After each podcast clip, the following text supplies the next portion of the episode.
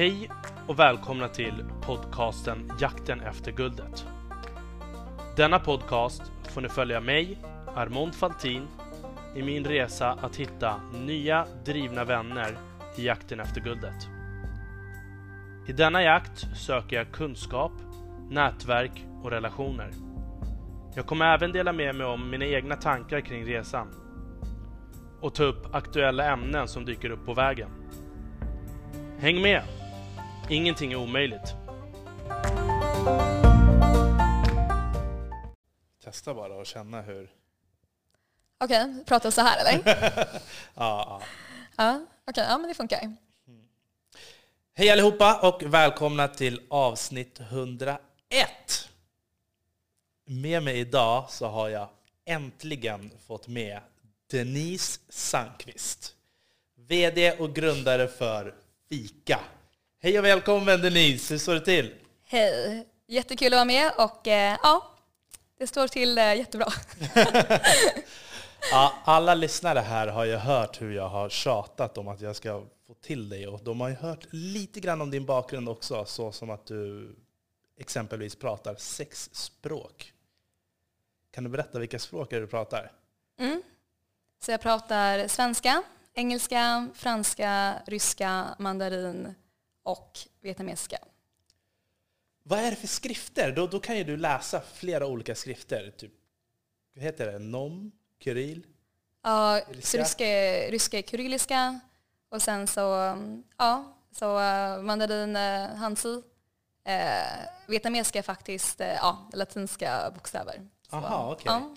För jag ser ju på er app Fika och eh, när ni marknadsför era saker att det är ju lite annorlunda text. Ja, okej.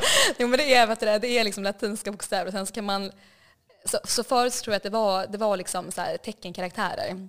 Men sen så, eh, så gjorde de om det och sen så har man kvar, liksom, man har de här, de här tecknen, eller där, det är tonerna som man skrivit ut. Mhm. Så det är därför det är det latinska alfabetet men det ser lite Aha, annorlunda aha ut. okej. För jag satt och googlade på det där. Vad heter det? Stod det någonting så här? Hoshi Nom eller någonting? Ja, Mm. ja, precis. Hur som haver, ni har liksom på mindre än sju månader fått över 500 000 nedladdningar av er datingapp Fika. Och ni fokuserar på att lyfta kvinnor, att det är kvinnor som ska äda män, eller?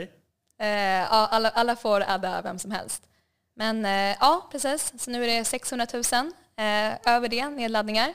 Och eh, sen det här med att vi är female focused.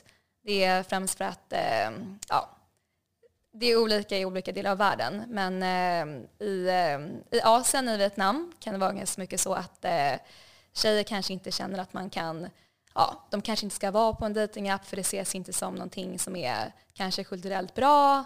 Eh, man kanske inte ska vara så på som tjej, man ska kanske vara lite mer, lite mer blyg och så.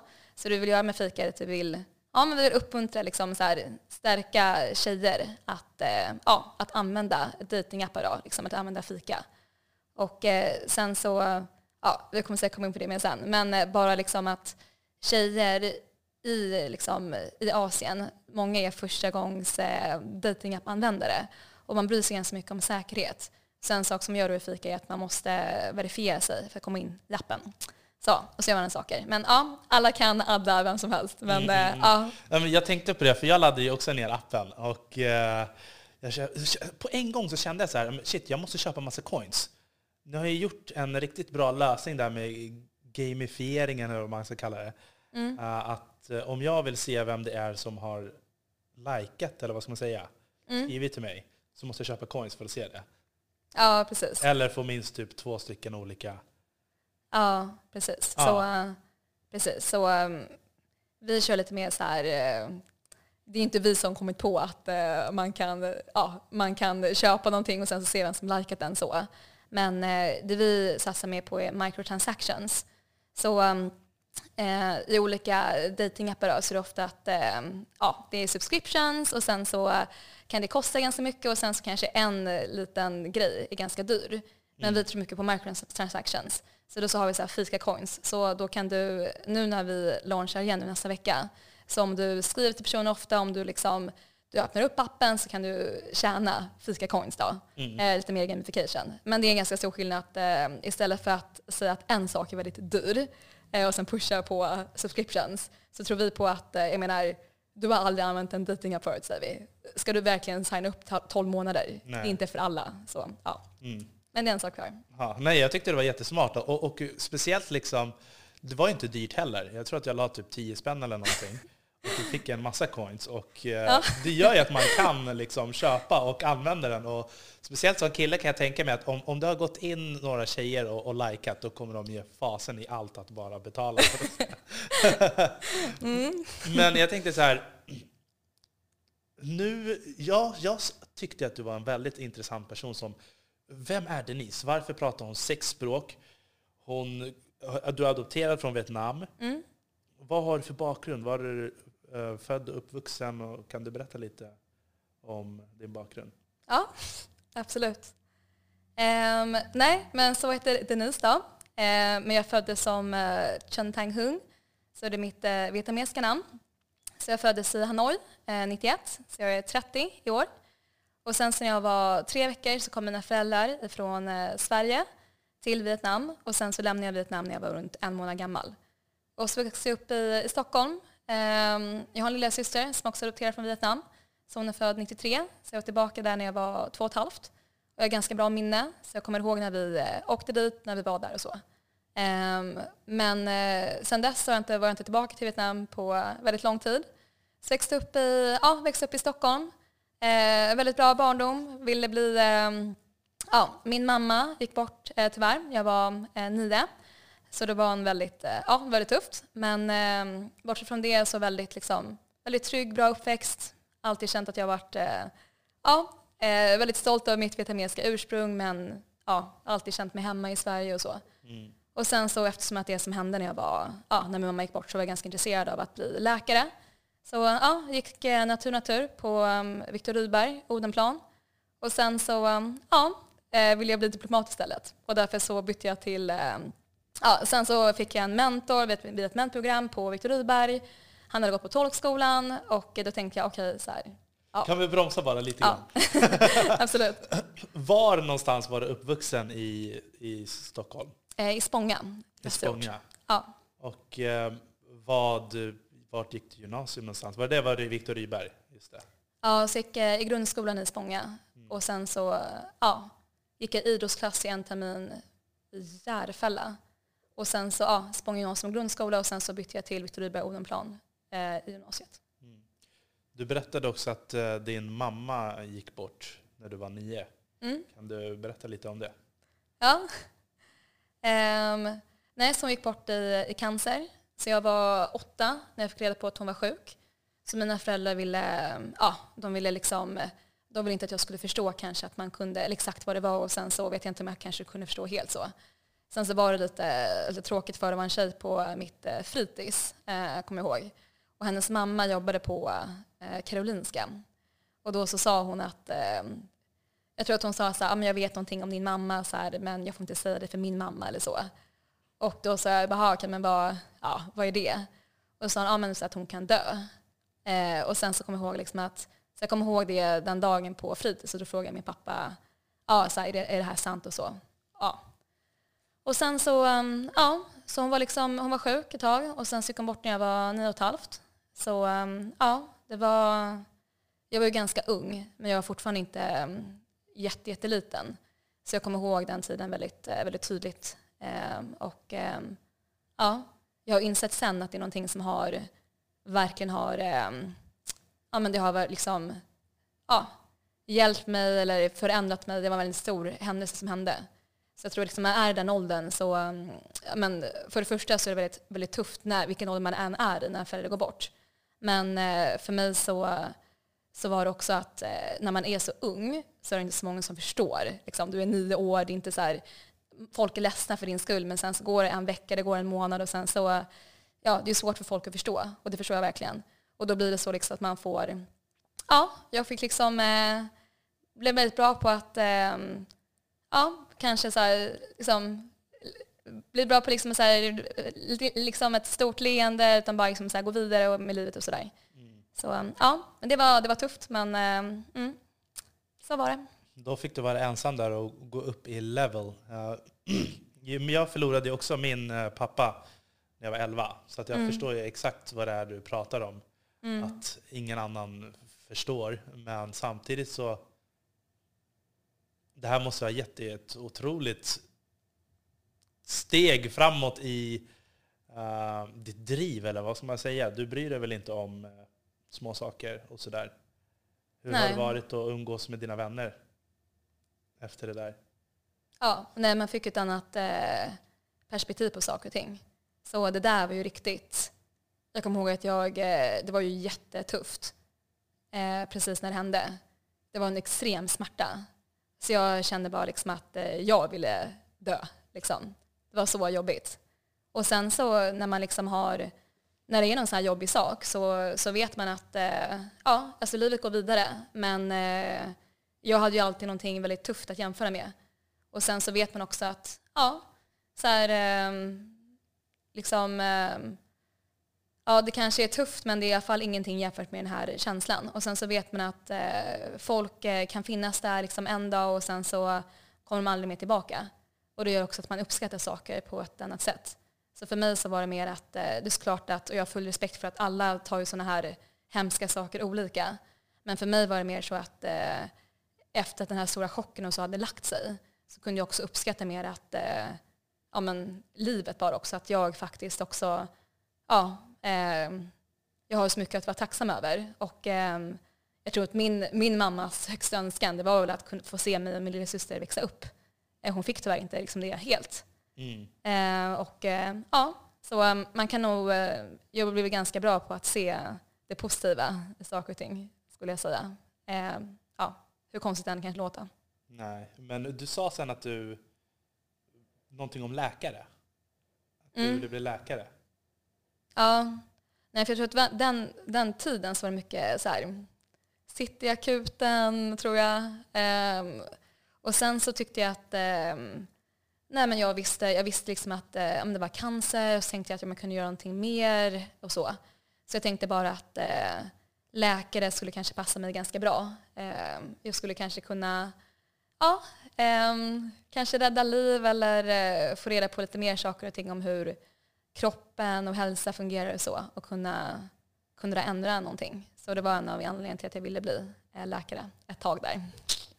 När var det du hittade språken då?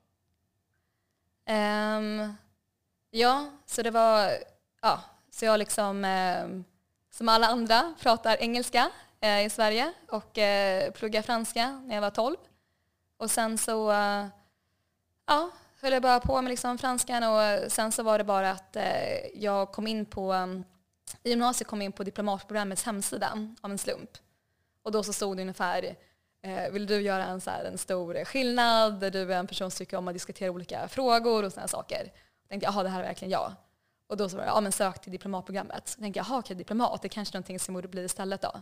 Eh, för jag, eh, ja, jag var intresserad av biologi på eh, gymnasiet, fast kanske inte lika mycket vet inte, kemi och så här, fysik. Um, och sen så fick jag en, eh, det här med språk var egentligen bara att eh, det låter kanske lite, eh, jag vet inte, taktiskt tråkigt, men det är inte, en del kanske, ja, jag älskar språk eller så, så jag ville lära mig sex språk eller så. Men för mig så ville jag bli diplomat. Och då så visste jag att om jag gjorde tolkskolan då, som det heter, så lärde jag mig ryska. Och sen så lärde jag mig mandarin senare. Och det var i princip för att ja, jag ville bo nära Vietnam för att kunna hitta min biologiska mamma. Och sen så tänkte jag okej, jag kanske inte vill bli diplomat längre, det här var senare. Men det är alltid bra att kunna mandarin. Oavsett om du gör business eller om du vill liksom bli diplomat. Och sen så, jag bor ju i Vietnam och gör business i, i Vietnam, så det är bra att kunna vietnamesiska. Men det var så jag kom in på, ja, kom in på språk, helt enkelt. Det låter som att du har ett sjukt driv i alla fall. Alltså, vad, vad var det för linje du gick i, i gymnasiet? Var det diplomatlinje eller nej? Nej, det var natur, natur på ja, Ytterbyberg. Mm. Och så bytte jag faktiskt till SAM sista året i trean. Så jag läste kanske väldigt mycket gymnasiepoäng utöver eh, vad, jämfört med vad många andra gjorde. Men ja, bara det. För någonting som jag tänkte på, det var så här, hur kan hon... min, alltså hör mina fördomar. när jag, när jag liksom läste om Denise och började liksom se vad hon har gjort. tänker jag så här, okej, okay, om hon talar sex språk, gör militärhögskolan, då måste hon typ vara uppvuxen på Odenplan eller Östermalm eller någonting och var stora hyllor med böcker hemma, mm. akademiker till föräldrar och liksom visat vägen. Hur visste du vilken väg du ska gå alltså, i sådär tidig ålder? Mm. Ja, det är en intressant eh, fråga. um, nej men um, jag tror att liksom en del saker är genetiska. Så jag tror att liksom en del att lära sig saker och ting, det är liksom en del saker genetiska. Eh, så då så såklart, jag har alltid haft, liksom, varit bäst i klassen, alltid haft lätt för mig och då är det alltid kul att vem tycker liksom inte om att jag menar att vinner du en gång så kan, och vinner du flera gånger så kanske du får försmak för det. Så jag, har, jag är väldigt tävlingsriktad, jag tycker om att vinna, jag tycker om att vara bäst. Och det kommer ju så här från att, jag menar skulle jag vara, eh, har jättesvårt för alla skolämnen då, för mycket premieras liksom i livet, liksom så här, hur bra du är i skolan när du är ganska liten. Så nej, då kanske, ja, så jag har mycket att tacka för, för det. Men sen så tror jag också att eh, att eh, jag insåg väl då att eh, jag vet en tjej i min klass som hade dyslexi exempelvis. Så jag vet bara att jag kanske läste någonting en gång eller så. Eller det som tog mig väldigt kort tid tog henne, hon behövde ganska mycket, mycket tid på att liksom fixa det. Så liksom inte för att, eh, så här, så här med all ödmjukhet så, liksom, så insåg jag att aha, okej, ja, men jag kanske har lättare för en del saker än, än andra har. Och sen så säger kanske sport eller liksom eh, ja, jag höll på med gymnastik ganska mycket när jag var, när jag var yngre och sen så, eh, nej, så insåg jag okej, okay, jag har lättare för det här. Liksom. Och då så tänkte jag att ja, när jag, eh, vi reste lite när jag var med min familj i exempelvis Thailand, eh, när jag var lite, lite yngre, kanske 16 så. Och då såg jag många som inte hade det lika bra som, eh, som jag har det i Sverige. Så jag menar, det finns en massa olika så här, saker som har lett till så här, driv och sånt där. Men jag har bara tänkt att det finns, det finns så många som är väldigt duktiga, drivna och så, men de har inte förutsättningar som vi har i Sverige, eller som jag hade i Sverige. Och sen så finns det många som, som är i Sverige idag och har mycket förutsättningar, men sen så får, får kanske kämpa mycket mer än jag får när det gäller att kanske lära sig vissa saker. Och då har jag känt mig väldigt, eh, jag tänkte, okej, vilken tur jag har haft då, som har, jag har de här möjligheterna, eh, ja, fantastiska, liksom, min, min pappa som alltid liksom stöttat mig och sen så han träffade min, eh, ja, sin, hans fru när jag var 15 sen då. Eh, som alltid liksom har, har funnits där, alltid så här villkorslös eh, kärlek. Och då har jag tänkt liksom, okay, om, jag har, om jag har fått det här genetiskt och sen så har jag så här bra förutsättningar och det finns så många som skulle kanske vilja ha lika lätt som jag eller kunna ha de här förutsättningarna eller kunna bara ha min situation. Och då skulle det kännas väldigt, eh, ja men väldigt, eh, väldigt lite lat, eller så här, liksom att då, så här, då måste jag göra någonting av det. Mm. Så det är liksom en sak som har, eh, som fortfarande pushar mig tror jag. Mm. Och sen eh, att du är adopterad, det är också så här, är det någonting som har gett dig extra driv? Eftersom du verkar ha blickat mot Vietnam hela tiden och eh, vill jobba hårt. Mm. Jo, så här, jag tänker inte så jag vet det, det här med att vara adopterad, eh, för mig så har det alltid varit väldigt, liksom, väldigt chill med det. Jag har inte haft, jag har varit lycklig dotter, jag har inte haft så mycket, eller jag har inte haft några större så här, identitetskriser, så här, oh, jag vet det, ser asiatisk ut och sen så är jag liksom svensk och så. För mig har det varit väldigt, eh, nej men mina föräldrar, och det är tack vare mina föräldrar, de, de jag frågade så här, hur var det när du var i din, eh, din, mam, din mage? Liksom, gjorde det ont? Så här, sparkade och så? Och då sa min mamma, nej men kom ihåg, du har en vietnamesisk mamma också som älskar dig jättemycket och hon ville att du skulle få ett bättre liv så därför så, så ja, vill hon att du skulle komma till Sverige. Och en del frågar kanske, när berättar, när berättar dina föräldrar för dig för att du var, att du var adopterad? Men för mig så var det inte riktigt så här, liksom, att de satt, satt sig ner med mig och sen bara, ah, vet du vad, så. Utan det är mer att när man är liten så frågar man, varför är vattnet blått? Liksom, varför, är, varför är gräset grönt? Sådana saker. Mm. Och på samma sätt så frågade jag och då så sa mina föräldrar liksom, ah, men det är så här det är och det blir min verklighet. Och sen så var de alltid väldigt öppna med att eh, om du vill leta efter biologiska, biologiska föräldrar i framtiden så får du jättegärna göra det. Eller så sa de att eh, eh, Eh, att de berättade mycket så här, fina saker om Vietnam, hur trevliga människorna var där, när de noterade mig och min lilla syster, eh, hur vi hade saker hemma som var från Vietnam. Så det var alltid den här, eh, ja, men den här öppenheten helt enkelt. Så jag växte alltid upp med en viss stolthet för att jag var från Vietnam. Eh, men sen så kände jag mig och såg mig alltid som svensk, men väldigt stolt över att jag adopterade från Vietnam. Så det här med Vietnam kom lite senare egentligen. Men jag tänkte alltid att, ja, jag tror också när min mamma gick bort faktiskt, att, eh, att jag tänkte att, eh, jag menar alla vill ju vara som alla andra när man är, ja nu, nu också många, men kanske när man är, när, när, jag, var, när jag var nio liksom, och sen så hade jag bara en pappa. Så tänkte jag att, oj, men i Vietnam så, oj, skulle jag varit kvar i Vietnam så skulle jag haft en, en mamma och en pappa, då skulle jag kanske vara som alla andra. Så för mig har det alltid från en väldigt där ung ålder så jag har alltid tänkt att det skulle vara intressant att hitta eh, biologiska föräldrar.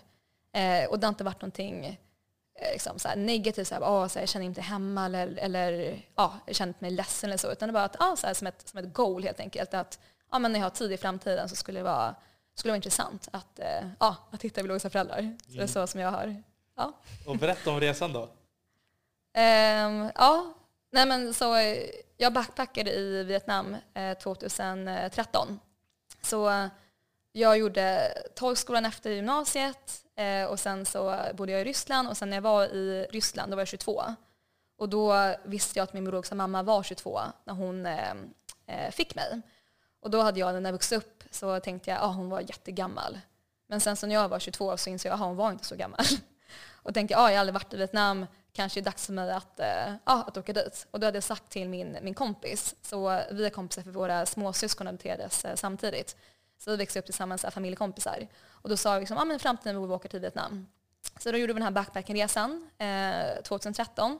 Då hade slutat mitt jobb på svenska ambassaden i Moskva.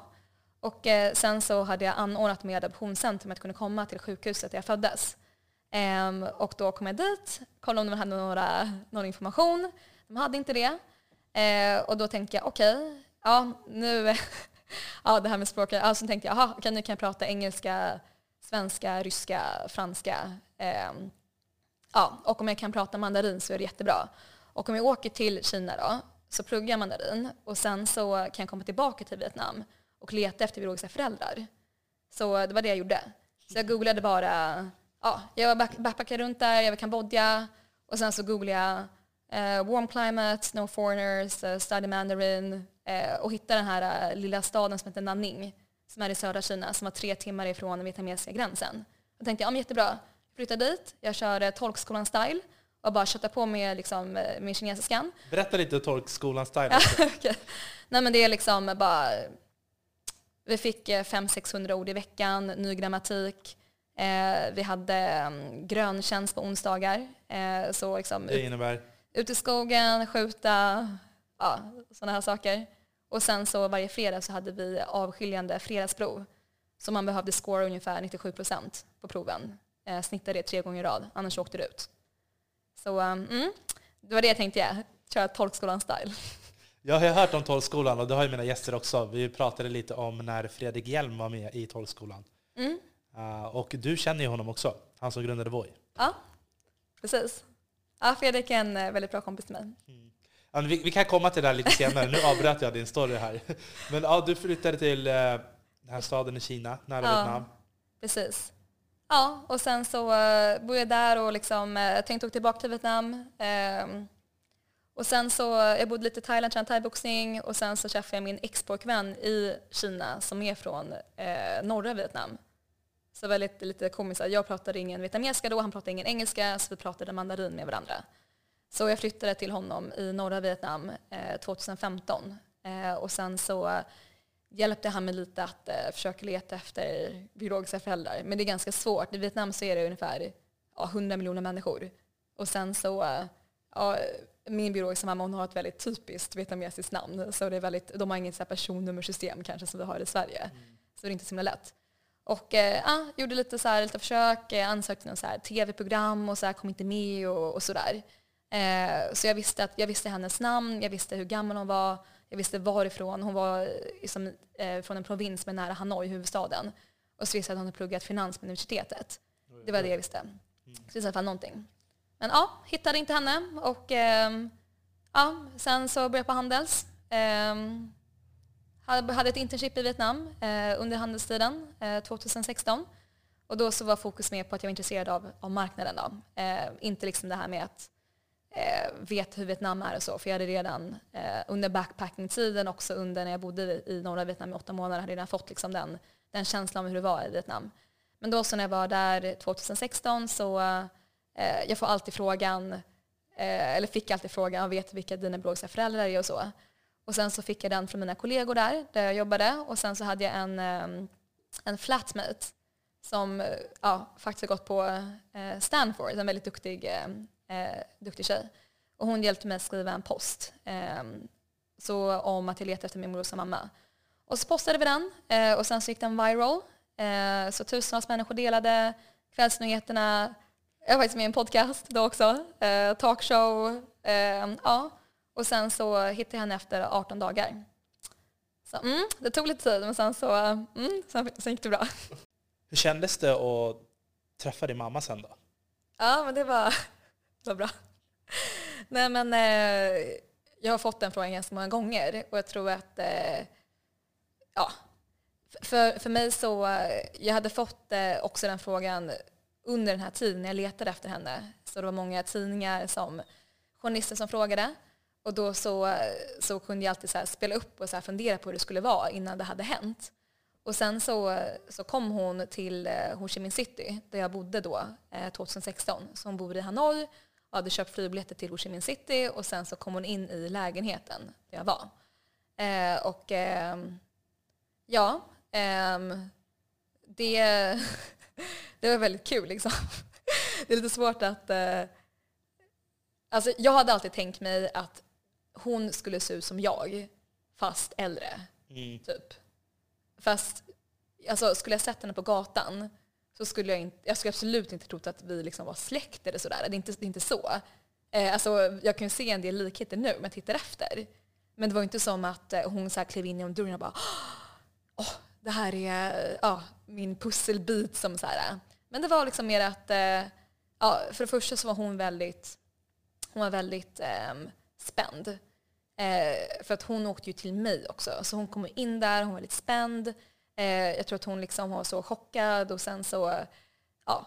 Så sen så, jag pratade ingen vietnamesiska då knappt. Så vi hade min kompis som översatte och sen så, ja, för henne var det väldigt känslosamt.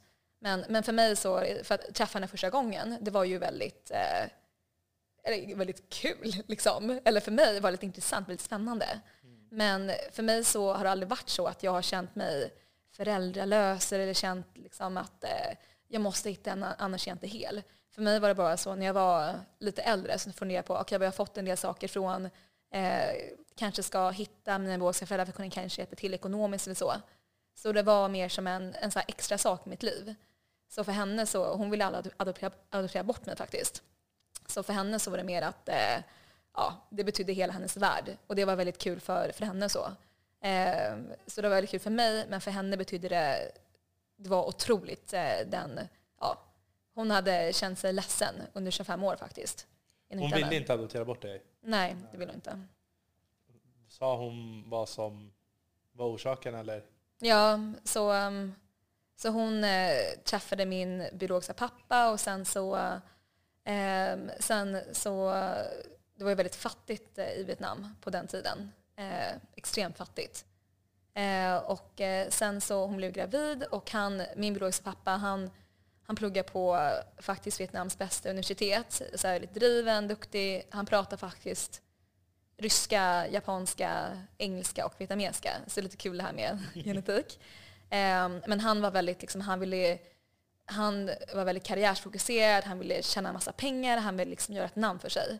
Och sen så, och hon var lite mer med för kärlek och så. Och sen när hon blev gravid så tyckte han inte att det, det passade liksom med hans livspussel helt enkelt. Så hon, han ville att hon skulle göra abort och hon, hon ville inte det och eh, han ville inte ta något ansvar. Och på den tiden att vara ensamstående mamma i Vietnam är riktigt, alltså nu också, men förr i tiden riktigt tufft. Så eh, det var, hon ville inte, om hon, om hon skulle kunna välja, då skulle hon vilja att ha, ha kvar mig och sen som är min biologiska pappa och så. Men hon arrangerade så, så att jag kunde, de pratade med personen på sjukhus där jag föddes, liksom så, genom adoptionscentrum och så. Så hon, hon hjälpte mig helt enkelt att eh, kunna ja, få komma till, till Sverige. Och jag var ju bara tre veckor när mina föräldrar kom till, till Vietnam. Och jag var två dagar när jag tror att det var klart att jag skulle bli adopterad till, till Sverige. Så hon, eh, nej, hon, hon, det var inte, hon ville egentligen inte det. Men hon gjorde det verkligen av, av kärlek. Så, mm. Ja, det gick extremt snabbt, men det är sådär i de där länderna också. Du, det är en helt annan kultur och du måste ju ge bort på en gång.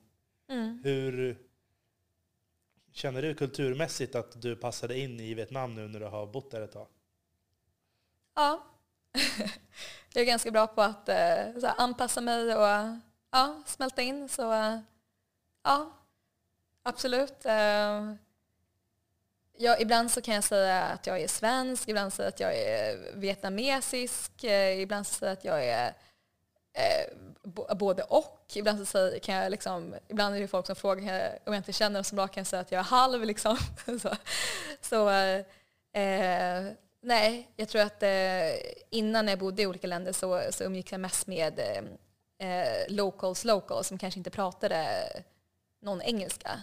Men jag tror att jag, jag har väldigt mycket, jag har både utländska kompisar, vietnamesiska kompisar och jag tror att jag, eh, jag kommer väl bäst, bäst, bäst, eh, eller kan känna mig närmast folk som, som kanske eh, ja, men vietnameser som kanske har varit utomlands lite, kanske pluggat utomlands och så.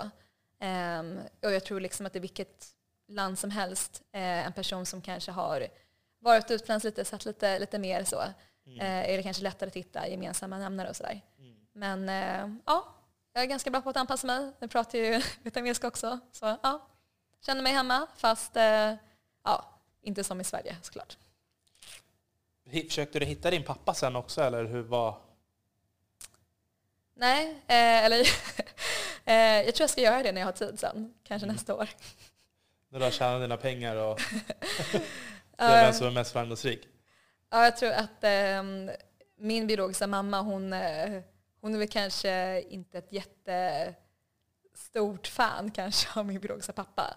Eh, de har ingen kontakt eh, eller så, de hade inte det sedan jag, sedan jag föddes. Han var ju inte ens där när jag föddes. Mm. Men eh, för mig så är det bara en intressant grej att kunna hitta honom. För jag menar, vietnamesiska är ju inte mitt, min ryska är mycket bättre än min vietnamesiska. Jag vet inte hur bra han var på engelska, men det är klart att min engelska också är bättre än min vietnamesiska. Mm. Men för mig så här liksom så, ja, det är bara liksom intressant och spännande. Och sen så vad han har gjort i sitt liv och sen så de valen han gjorde, liksom, jag är bara glad för att, eh, för att jag liksom existerar. Mm. Och sen så är det ju, jag vet inte om, ja men ja, kan säga tack för honom då, det här med att lära sig språk. Det var ju lite, det är lite random. Eh, men ja, jag har väl fått hans språkförmåga då. Så ja, får jag Och kanske hans utseende eftersom det tydligen inte var likt sin mamma. Ja, så han var tydligen eh, en 80. Så det är ganska långt för att vara vietnames. Tyckte väldigt mycket om eh, sport och sånt som också gör så. Mm. Mm, kanske en del saker. Så har du fortfarande kontakt med din mamma eller? Eh, ja. Så jag såg henne senast eh, i januari, så hon kom hälsa på på min eh, 30-årsdag. Så ehm, ja, hon bor i Hanoi. Hon har eh, ny familj, så gift, eh, två barn, 22 halvsystrar. Och hon, har ald- hon vill inte berätta för dem än om att jag existerar. Hur gamla är de då? En är 96, alltså fem år yngre, så 20, 25 då. Och sen så en är typ 20, tror jag, kanske lite yngre. Ehm, men jag tror att hon ska, mm, ja, hon, eh, i, i Vietnam så, eh, om hon, att hon har, fick ett barn då utanför äktenskapet, det ses ju inte som så bra från alla. Och hon, det är ingen som vet, visste om det här. Och jag tror liksom att hon, när hon känner sig redo och vill berätta att hon, eh, att hon har, har mig och så, så får hon göra det. Eh, om hon nu vill det. Det är helt upp till henne. Men hon har inte berättat för, eh, för sin familj. Och det är också för att hennes, eh, eh, hon är väl lite orolig för att eh, kanske vad hennes man ska säga. Och lite vad hennes kanske, ja, men barn ska säga. Så jag tror att hon, har, hon sa till mig för fem år sedan att hon ville vänta lite tills hon blev lite, lite äldre och så. Och sen vill hon gärna liksom ta in mig i familjen. Så, men, men helt ärligt så är det bara, eh, ja, alltså jag, jag har min, eh, jag har min, eh, min familj eh, och sen så allting annat är liksom någonting extra. Och eh, jag skulle aldrig pusha henne till att, eh, ja, pusha in mig i familjen. Direkt. du vill inte träffa dina syskon eller småsystrar? Eh, jo, jag tror att eh, ja, jag kan absolut. Jag har ju en lillasyster liksom här också, men ja, det skulle vara liksom intressant. Men jag vet att, eh, jag tror att hon, hon berättar mycket att eh, när hon säger Magen sitter och kurrar. Ehm, nej men så att hon, tror hon, ehm, hon säger att de är ganska lika eh, deras pappa. Eh, på olika, säk, olika sätt och så. Ehm, jag har aldrig träffat deras pappa heller. Ja. Men jag vet inte, jag tror att hon säger att jag är väldigt olik dem. Sen så inte, man behöver inte vara lik alla liksom, för att tycka om dem så. Men jag tror att eh, eh, ja, jag har absolut inga problem med att träffa dem eller så. Kan verkligen, om de skulle ha min hjälp och någonting, liksom någon, vara stora syster för dem, skulle jag absolut kunna vara det. Men eh, ja, helt ärligt så är det ingenting som, för mig var det viktigt att träffa jag ville bara liksom så här, veta hur det var med mina biologiska föräldrar, kunna hjälpa till om de ville ha någon hjälp eller, och så, och det, få reda lite på så här, varför jag är som jag är. Och sen så hade jag inte så mycket mer förväntningar liksom. Ehm, så ja, om de vill, eh, om de vill lära känna mig så är det, är det trevligt och om inte så, så, ja, så är det okej. Men då har du känt din mamma nu i fem år. Mm. Så hur länge har du bott i Vietnam? Och när kom du på fika? Um, ja, så jag flyttade till Vietnam efter jag slutade på Handels, så 2018. Så mm, hösten 2018 flyttade jag till Vietnam och sen så, ja, ehm, snart tre år då, i Vietnam. Och eh, fika var någonting som jag och min eh, co-founder Oskar, så Oskar och jag träffades eh, under handelstiden. Så vi var projektledare för ett studentprojekt som var en så joint collaboration med KTH och eh, Handels. Um, och sen så, så sa jag till Oskar under den tiden att eh, ja, men Vietnam är en spännande marknad. Eh, Oskars föräldrar är från Kina. Jag bodde i Kina tidigare. Och då så, det finns mycket likheter mellan Kina och eh, Vietnam kulturellt och sen så liksom ekonomiskt att eh, en del så, att men Vietnam är så här många år efter Kina och sen så jag såg en del trender också som, som var i Kina som sen kom till Vietnam. Så det finns likheter med marknaderna. Och sen så det här med fika, det var, eh, jag och Oskar var intresserade av Vietnam som marknad. Ehm, och han kom till Vietnam första gången 2019, när han slutade på KTH. Och sen så funderade vi lite på vad vi skulle kunna, ja, vad vi skulle kunna göra helt enkelt. Och sen så varför Vietnam? Ja, många tror ju att eh, det kanske är för mitt eh, ursprung. Fast Ja, det, fast främst är det faktiskt att det är en väldigt spännande marknad. Främst är det för business, businessmöjligheten. Exakt. Um, så då så var det liksom att nej men vi, det var lite att vi funderade på vad, så här, vad vi var intresserade av och Oskar har en bakgrund inom, han har läst teknisk på KTH och sen hans master där inom eh, maskininlärning, så AI. Och då tänkte vi faktiskt starta en språkinlärningsapp eh, för att individanpassa språkinlärningen. Så 2017 så gick vi faktiskt till SFI för att kunna få deras data. Det var tanken. För jag pratar ju en del språk och sen så tänkte vi att vi vill skapa någonting som kunde ja, men, hjälpa folk helt enkelt att eh, lära sig språk snabbare. För vi såg så här, integrationsfrågor och sen så bara att eh, men språk är, ja, jag kan ju verkligen förespråka att lära sig språk. Men, och så tänkte faktiskt göra någonting sånt i, Vietnam. Men sen så var det faktiskt så att eh, ja, vi kunde kombinera lite med det som jag hade med liksom Oscars bakgrund inom, inom AI. Och sen så, um, så tänkte jag, okej okay, det här är lite svårt. Eller det här, det här är kanske är en stor idé för första tänkte. Mm. Men eh, ja, så fick vi inte ja, använda dator och så.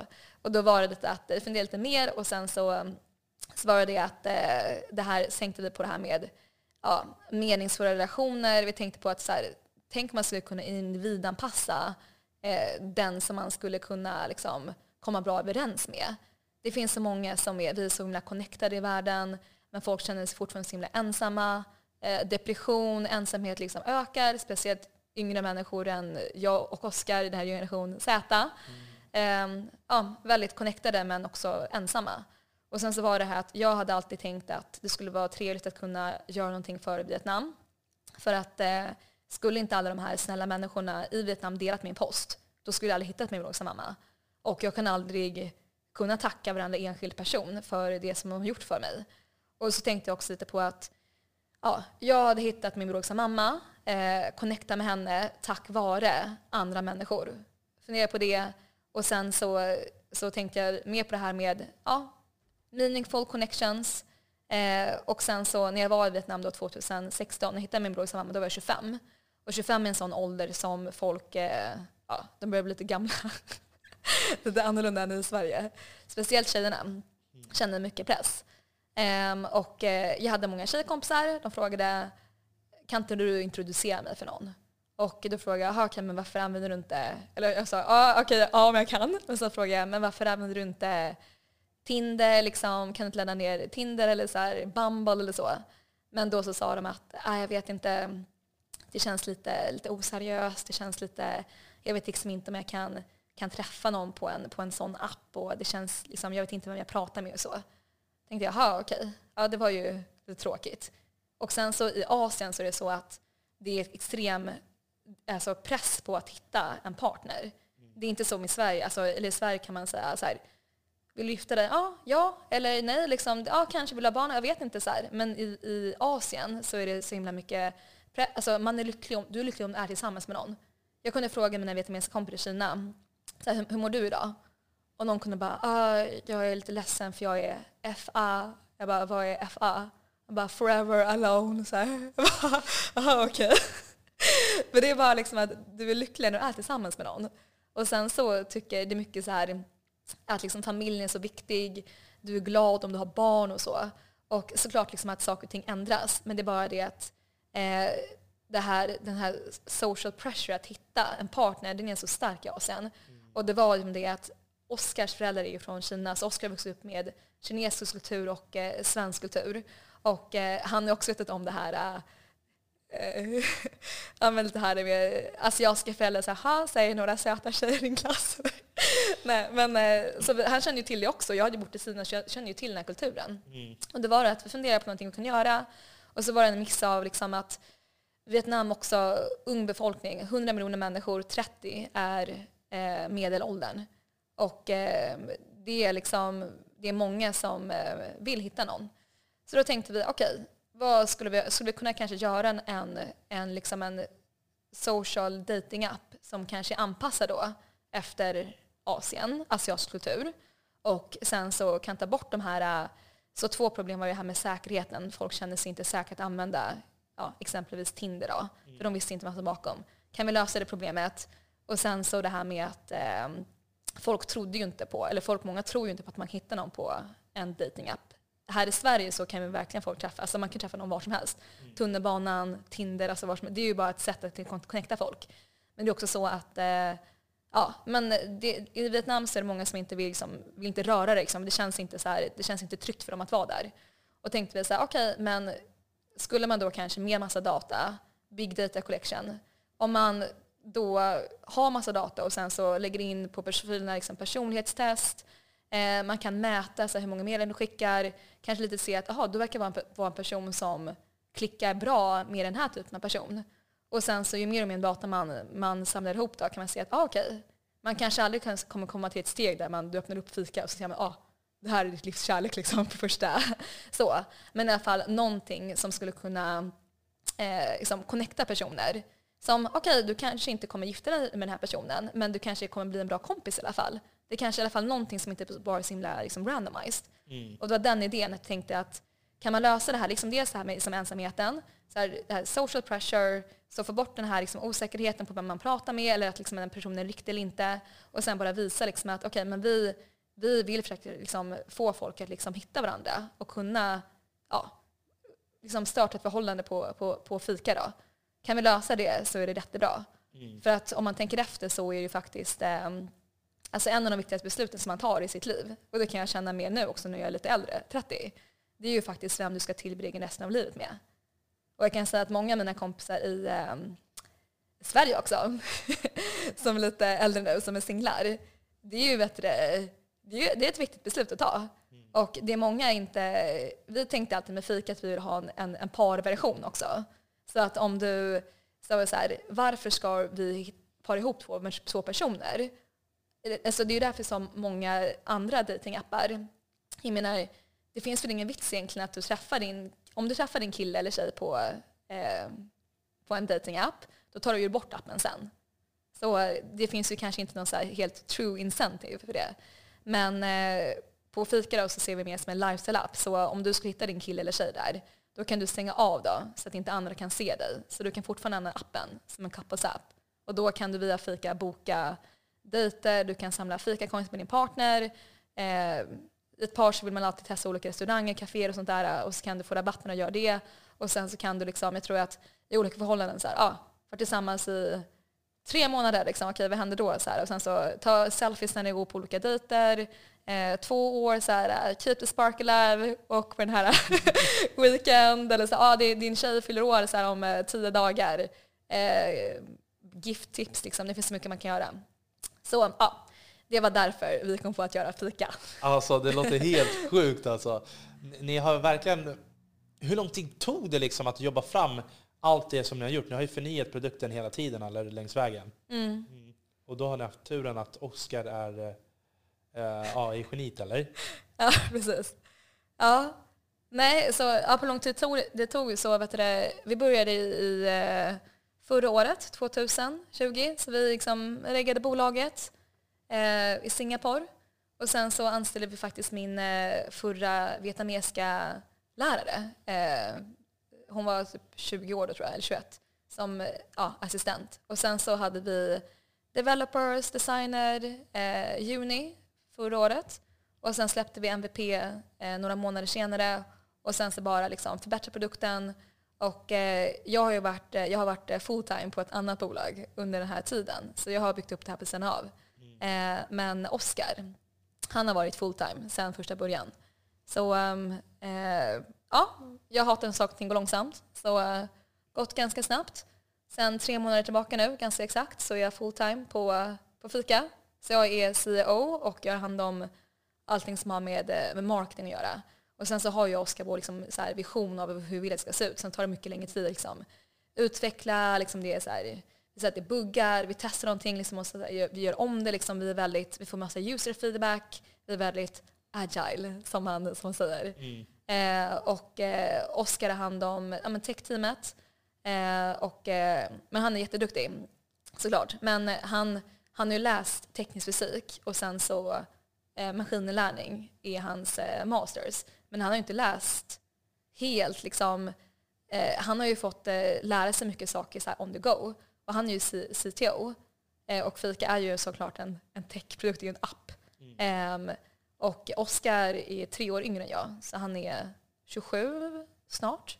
Eh, så 26, 25 var han, ja.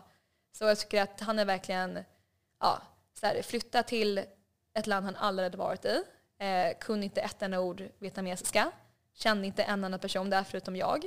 Eh, och eh, sen så ja, liksom jobba med personer som inte heller är så här, kanske jätte, jätte, jättebra på, på engelska. Alltså helt local team och så. så och det tycker jag liksom att visar att, eh, jag menar, eh, jag menar, man kommer aldrig, alla kommer inte, hur många timmar man behöver för att vara expert på någonting. Liksom. Mm. Väldigt lång tid.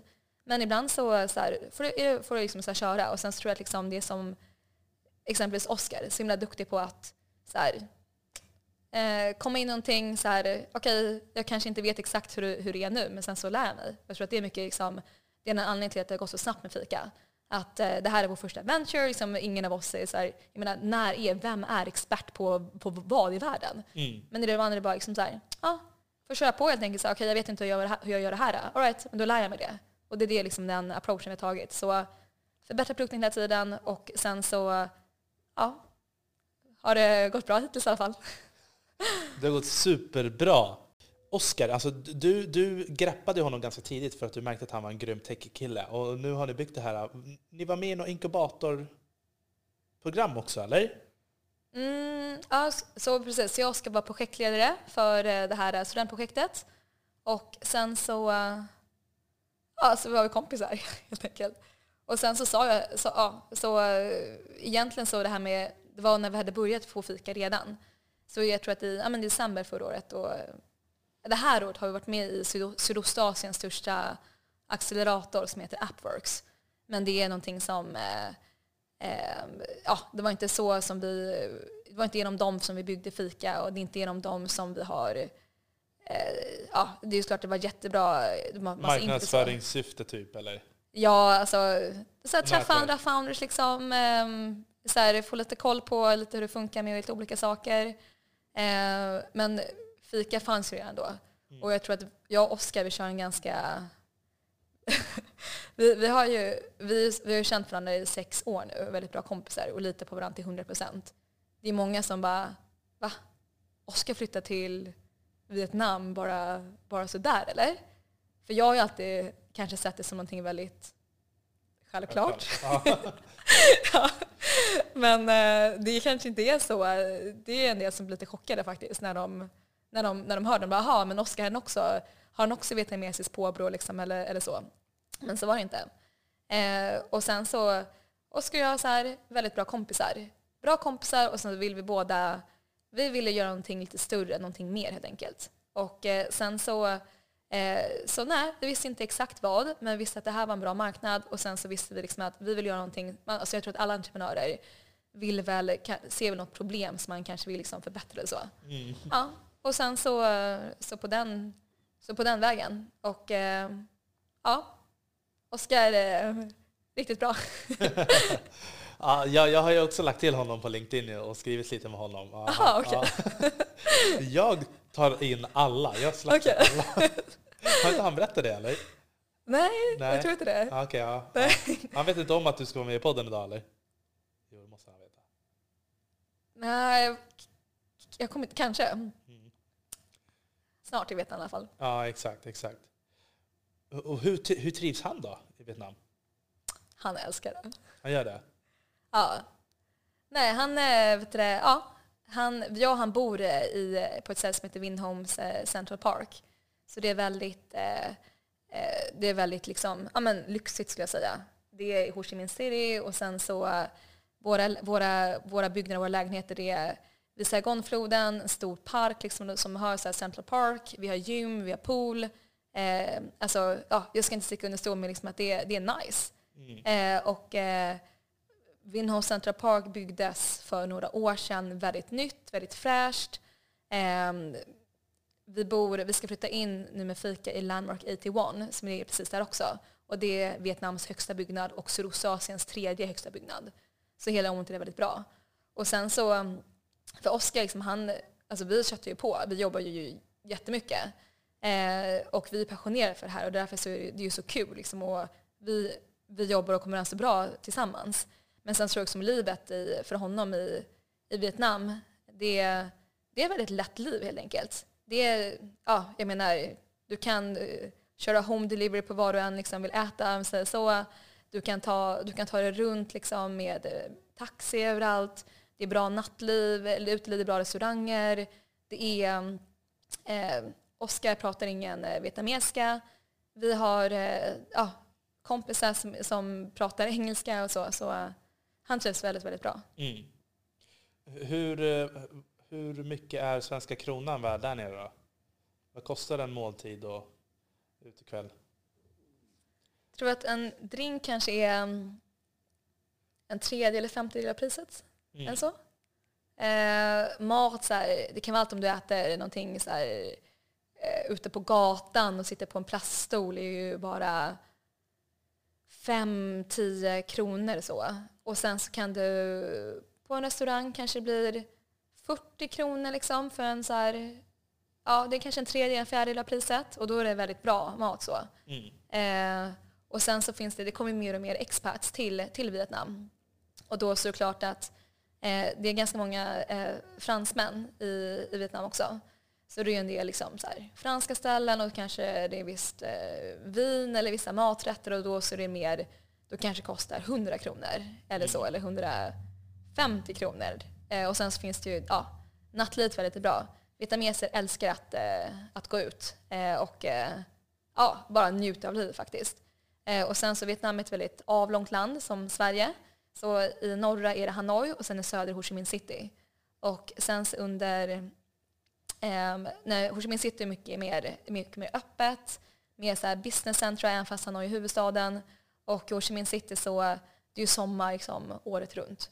Så eh, ja, det är väldigt, eh, folk blir glada, eh, går ut mycket och eh, saker och ting är öppna. Eh, ja, det är väldigt nice. Ja, nej, jag förstår exakt. Jag, jag, jag bodde i Thailand ett tag och jag älskade ju bara öppna upp min balkongsdörr typ Mm. ett på natten och bara lukta. Vad är det för vagn som står här under? Så jag Ja. kan käka. Mm. Musik och barns lek. Nej, jag tyckte att det... åh, jag längtar tillbaka. Mm. Ja. Men ni har tagit in kapital. Ni har aldrig varit hungriga under den här resan och behövt leva på ris och nudlar, eller? Nej, så ja precis. Så nu har vi precis eh, stängt vår eh, eh, seed round. Så det kommer bli public då eh, om några veckor. Men jag tror att någonting som är kanske ganska unikt för, för Fika och eh, som jag och Oskar gjorde, det var att vi har bootstrappat till, helt till det här stadiet. Så vi har, eh, ja, vi, eh, så här, det finns ingenting som är rätt eller fel och alla, det är bara olika liksom, vägar. Eh, men för oss så, vi, jag hade hört, snackat med lite kompisar, jag frågade ah, men hur mycket behöver du, hur många användare, hur många nedladdningar behöver du för att visa typ, på en MVP, liksom, att det, du visar på ett intresse så. Mm. Så var det någon som bara, ah, några, några tusen är bra. Så här. Om du har 10 000 är det, det är riktigt, riktigt bra. Ja, ah, okej. Ah. Och funderade på, ah, men så kan vi, kan vi göra det här, liksom, kan vi komma hit själva?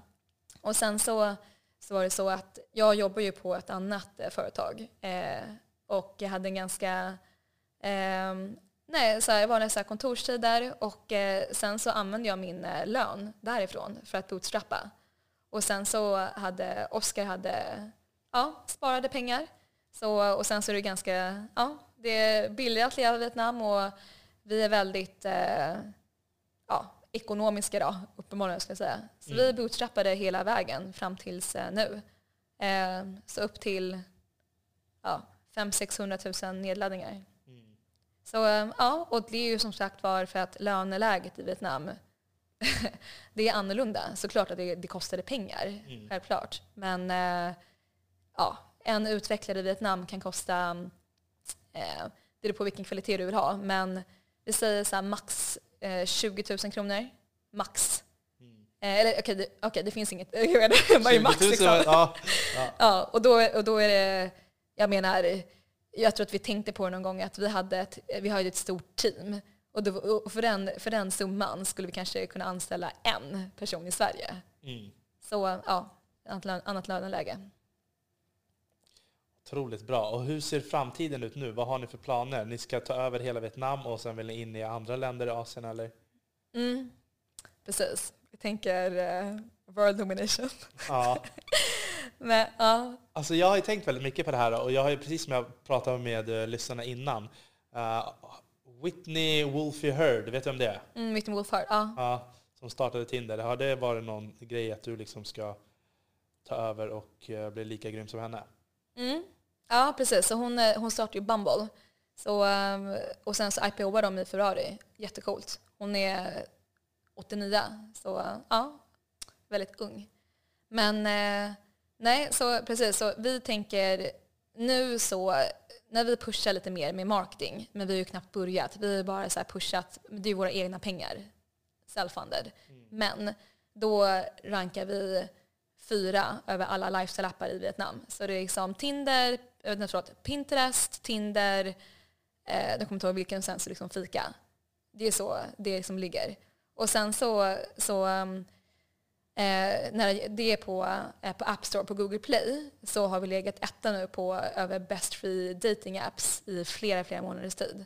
Så jag skulle säga att, eh, och nu så här så, det är alltid det här när man gör en produkt, liksom consumer, att du vill Speciellt när det är en, så här, en dating eller social app. Du måste ju få in användare, du måste ha användare. Men du vill inte vara för aggressiv för tidigt. Eh, för att du måste, jag menar, det, är ju så, alltså, det kommer alltid finnas lite buggar, det finns, kommer alltid finnas saker som kan vara bättre och så och så. Men nu så nästa vecka så ska vi launcha då officiellt. Så nu har vi, jag menar vi har ju funnits liksom uppe att man kan ladda ner fika. Fast nu har vi liksom så här, massa user feedback liksom under de här månaderna och sen så nu så kommer verkligen, vi kommer pusha riktigt, riktigt aggressivt. Mm. Och då så kommer det vara att eh, vi ska sätta på bli störst i Vietnam. Och sen så, eh, sen så ska jag, vet det, så vi ska testa, ja, vi, får, vi har 20 000 nedladdningar utanför Vietnam. Vi fokuserar bara på Vietnam. Mm. Men vi har ett tusental i Hongkong, ett tusental i Singapore. Eh, det är främst liksom i Asien, men såklart, men Sverige har vi 250 nedladdningar också. Mm, jag är en av dem. Ja. Ehm, och sen så, så här, sen så är tanken liksom att vi nästa gång vi reser pengar så är det för att ut i Sydostasien. Och eh, då så tror jag att innan vi går ut i Sydostasien så är det ju bra att eh, kolla lite så här, okej vad krävs det för att eh, lansera i en, i en ny marknad? Det är ju en techprodukt så liksom uppenbarligen så kan man ju dra ner fikan överallt och så. Men sen så tror jag mycket på, alltså det är mycket, såklart allting är ju så här, allting, allting, men execution. Och jag tror att um, vi måste liksom så här, ja, men riktigt så här product market fit, um, komma till att vi produkten med vår branding, marknadsföring och olika saker. Och sen så när vi liksom så här, eh, hittat så, ja, då är det bara liksom att bara gasa på och sen så göra det på rätt sätt också. Och då tror jag mycket på ehm, så här, okay, influencers, men det är ganska liksom brett begrepp också. För jag tror att har man ett bra team på plats som kan, vi säger, ska vi till, vi säger Singapore. Okej, ja, jag har varit i Singapore någon gång i mitt liv. Men då man har bra personer där som här, men vilka, hur ska man uttrycka sig, så här, hur funkar folk liksom, ehm, marketingbudskap, så här, vilka av alla olika influencers ska man jobba med och hur ska vi jobba med dem exempelvis. Och sen så bara hur man bara executar där. Det är det som kommer sen. Mm. Mm. Ni har ju någonting som heter också CBA, va? Uh, Mm. Campus Brand Ambassador. Ja. Kan du berätta lite om det? Mm, ja. Så ehm, vi, ehm, vi har fyra stycken eh, core values och det är growth, empowerment, authenticity och innovation. Och för oss så är det väldigt viktigt att kunna ge tillbaka någonting och sen så att vi bryr oss mycket om eh, den yngre generationen. Och sen klart också att vi är ju en app för 18, främst 18 till 35 någonting åringar där. Nu har vi flest mellan, mellan 18 till 24. Men sen så liksom, det här är någonting som är personligt viktigt för mig eftersom jag adopterade från Vietnam. Vi har ett helt local team. Att kunna ge tillbaka, att kunna, men kunna liksom ta lite ansvar och kunna ja, men så här, hjälpa den yngre generationen med saker och ting, kunna utbilda och så. Eh, och sen så är det såklart att eh, rent, eh, det är ju jättebra om de ser fika som en, eh, som en, som en app eller som, liksom ett, eh, som en movement då, som, som ska, istället för att kanske vi så här, anordnar crazy parties, vilket man också kan göra, så, så är vi, vi vill ha lite mer seriös approach då. Och, sen så, och det är därför som vi har Campus Brand Ambassador program. Och då så fokuserar vi främst på toppuniversiteten i Ho Chi Minh City och i Hanoi. Och sen så kan man ansöka till de här programmen. Och sen så där så får man hjälp då från hela Fikas team. Så tänker jag att okay, du vill lära dig mer om entrepreneurship, det är AI, eh, marketing. Eh, jag och Oskar också med i det här, liksom, ja, vi har olika, eh, om det är någonting de kan lära sig från oss, liksom olika sessions. Och sen så är det ett tre månaders program. Och då så kan man ansöka och så kan, eh, så kan personer då eh, också mer senare då kanske att ja, sprida fikas values. Eller vi, ja, så om vi säger att det är på ett universitet och sen så, så får vi höra då att ja, men folk här på mitt universitet skulle vara intresserade av kanske ha en workshop om vi säger typ eh, hur man startar eget företag.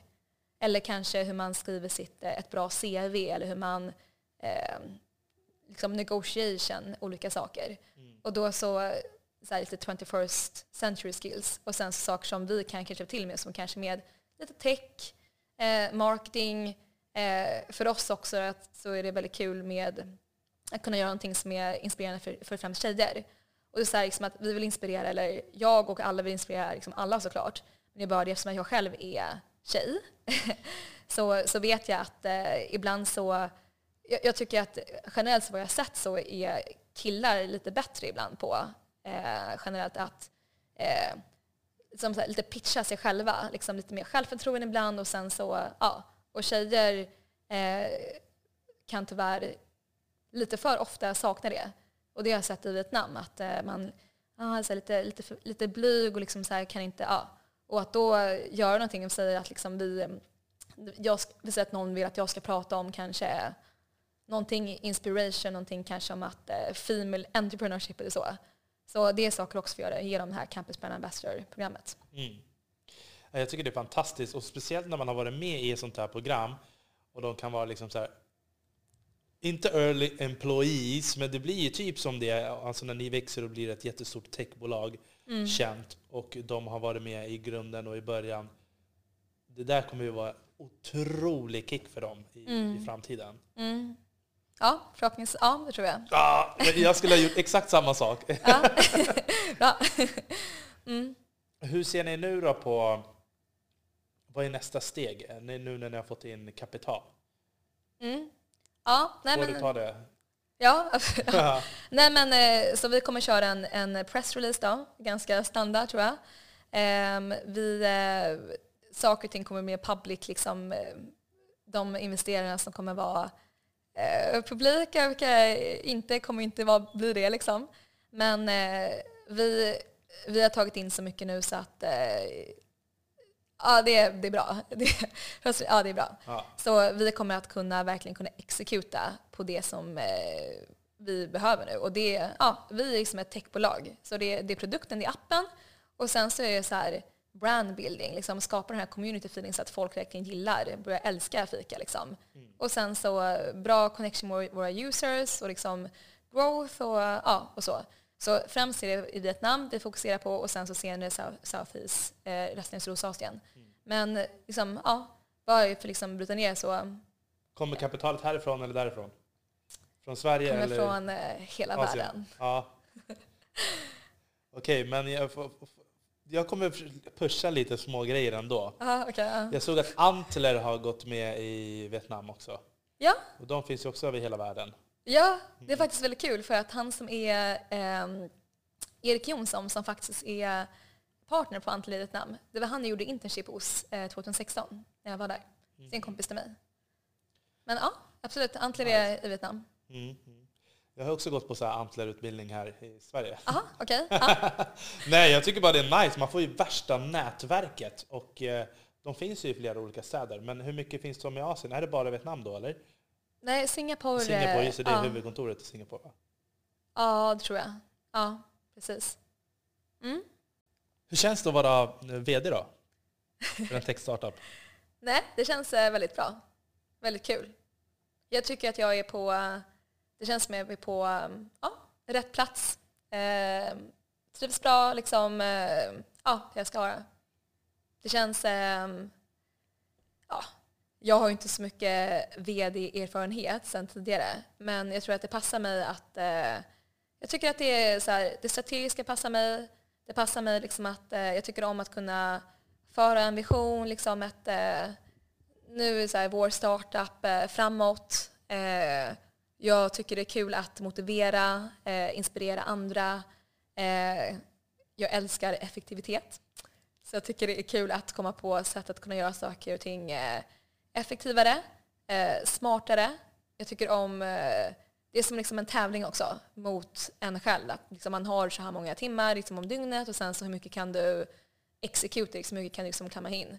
Och sen så här, eh, när det, det finns liksom inte alltid någon eh, alltså rätt eller fel. Eller kanske som aha, du ska göra exakt så här, liksom så här A, B, C, D, E och så. Du kanske kan hoppa till A, från A till G liksom.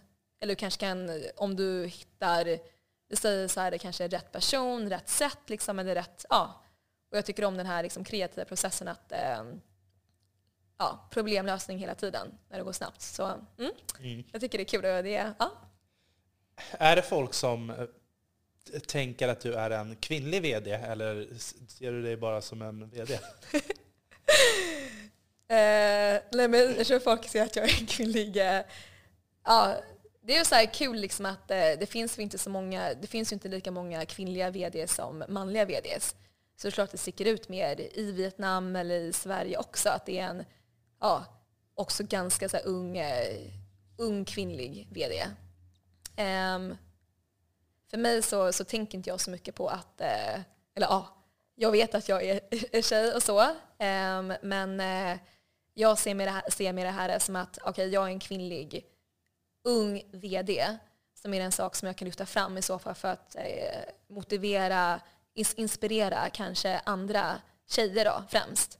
Eh, som, eh, som kanske funderar på att kanske så, här, ge sig in i techbranschen, kanske liksom, eh, ta en ledarskapsposition och, eh, och så.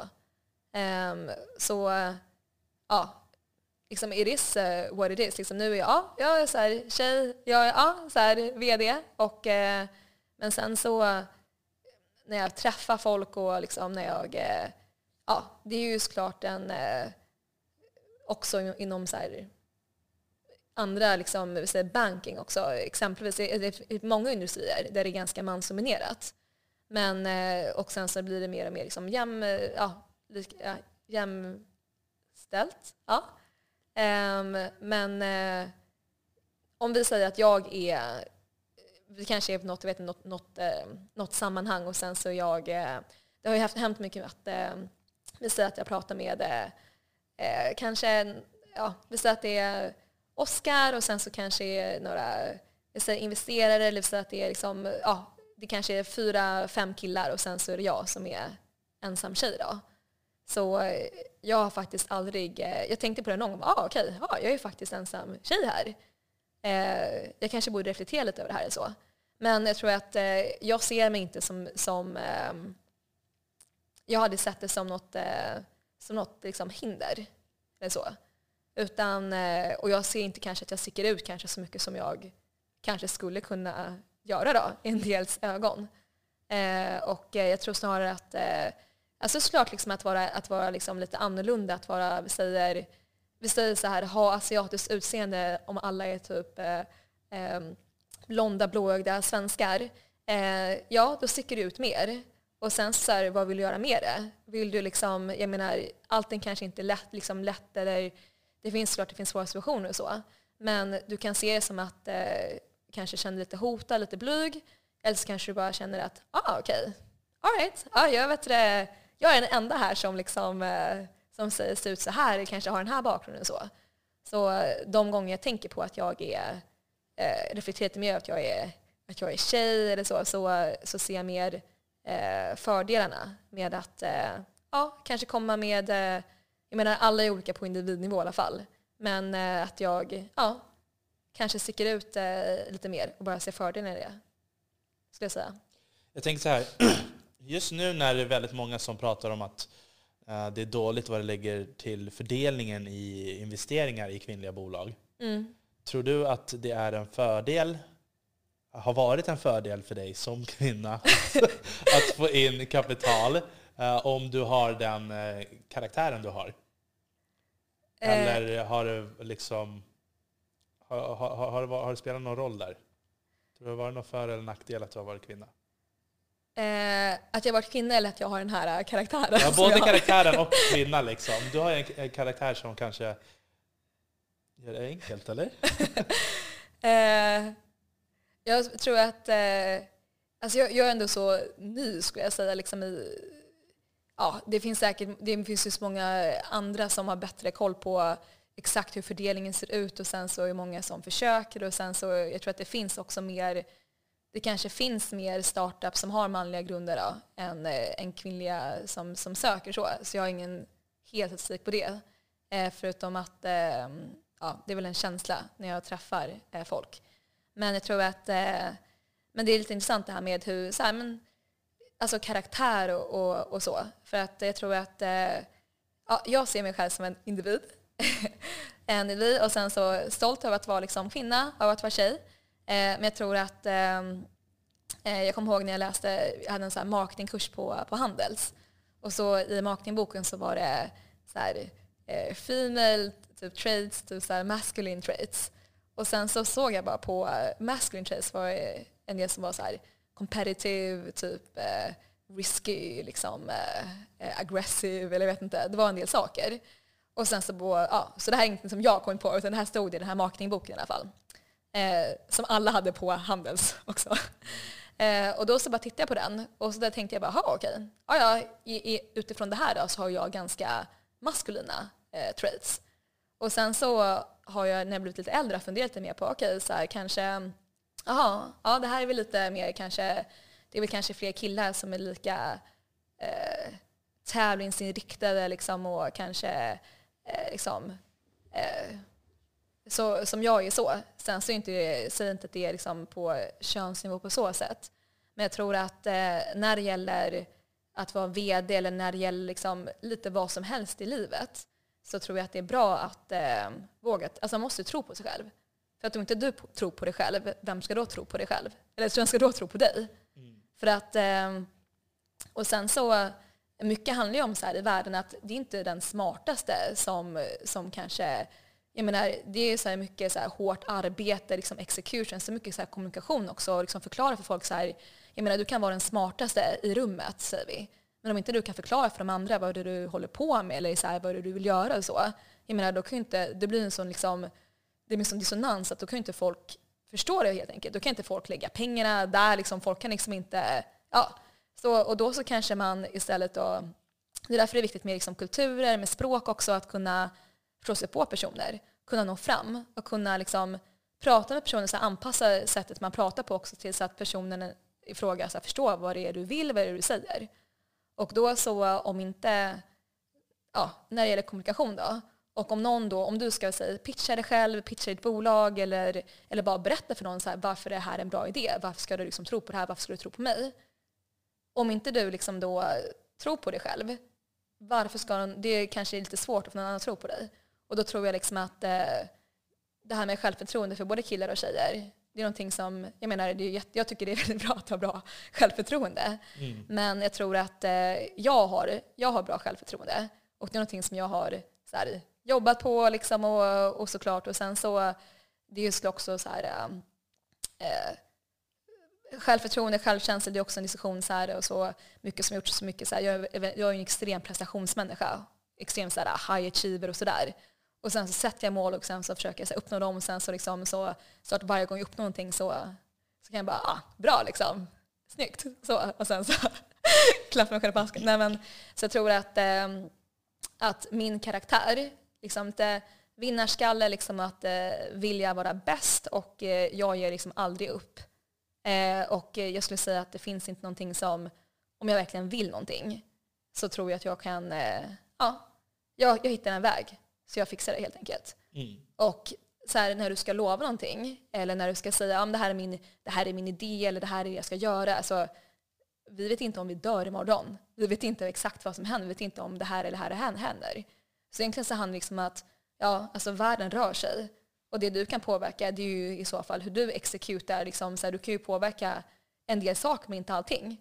Och då så, så handlar det mycket om att ja, jag tror att liksom, om, du kan, om du tror på dig själv och om du är duktig på att eh, få andra att tro på, på dig också så tror jag att det är positivt. Mm. Och därför så tror jag att eh, ja, jag som, eller som, som vd då, att som vd tror jag att man ska, man ska kunna vara duktig på att kommunicera och så här, få ens liksom, anställda att liksom, lita på dig, tro på liksom, att du, du fixar det här, liksom, du, kan liksom, så här, du är en bra ledare som dina anställda kan liksom, så här, lita på, du kan föra liksom, så här, visionen och så här, bolaget framåt. Och sen så ska du också kunna kommunicera det till säg, investerare eller till, eh, till andra människor. Mm. Jag tror att liksom, oavsett kön så tror jag att eh, det är bra. Och jag tror att eh, en del saker som jag har gjort i mitt liv har gjort att jag har eh, skaffat mig ett eh, starkt självförtroende. Och det tror jag har hjälpt mig väldigt mycket i livet. Mm.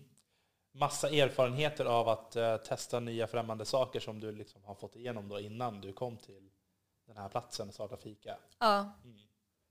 Och jag har ju också varit, eh, alltså som Allan, så här, liksom liten, mer rädd och så. Men sen så tror jag att jag eh, alltid velat eh, pusha mig själv och alltid velat eh, så här, varenda gång jag tycker någonting är lite svårt eller tycker någonting är lite obehagligt så funderar jag på okay, varför tycker jag att det här är obehagligt?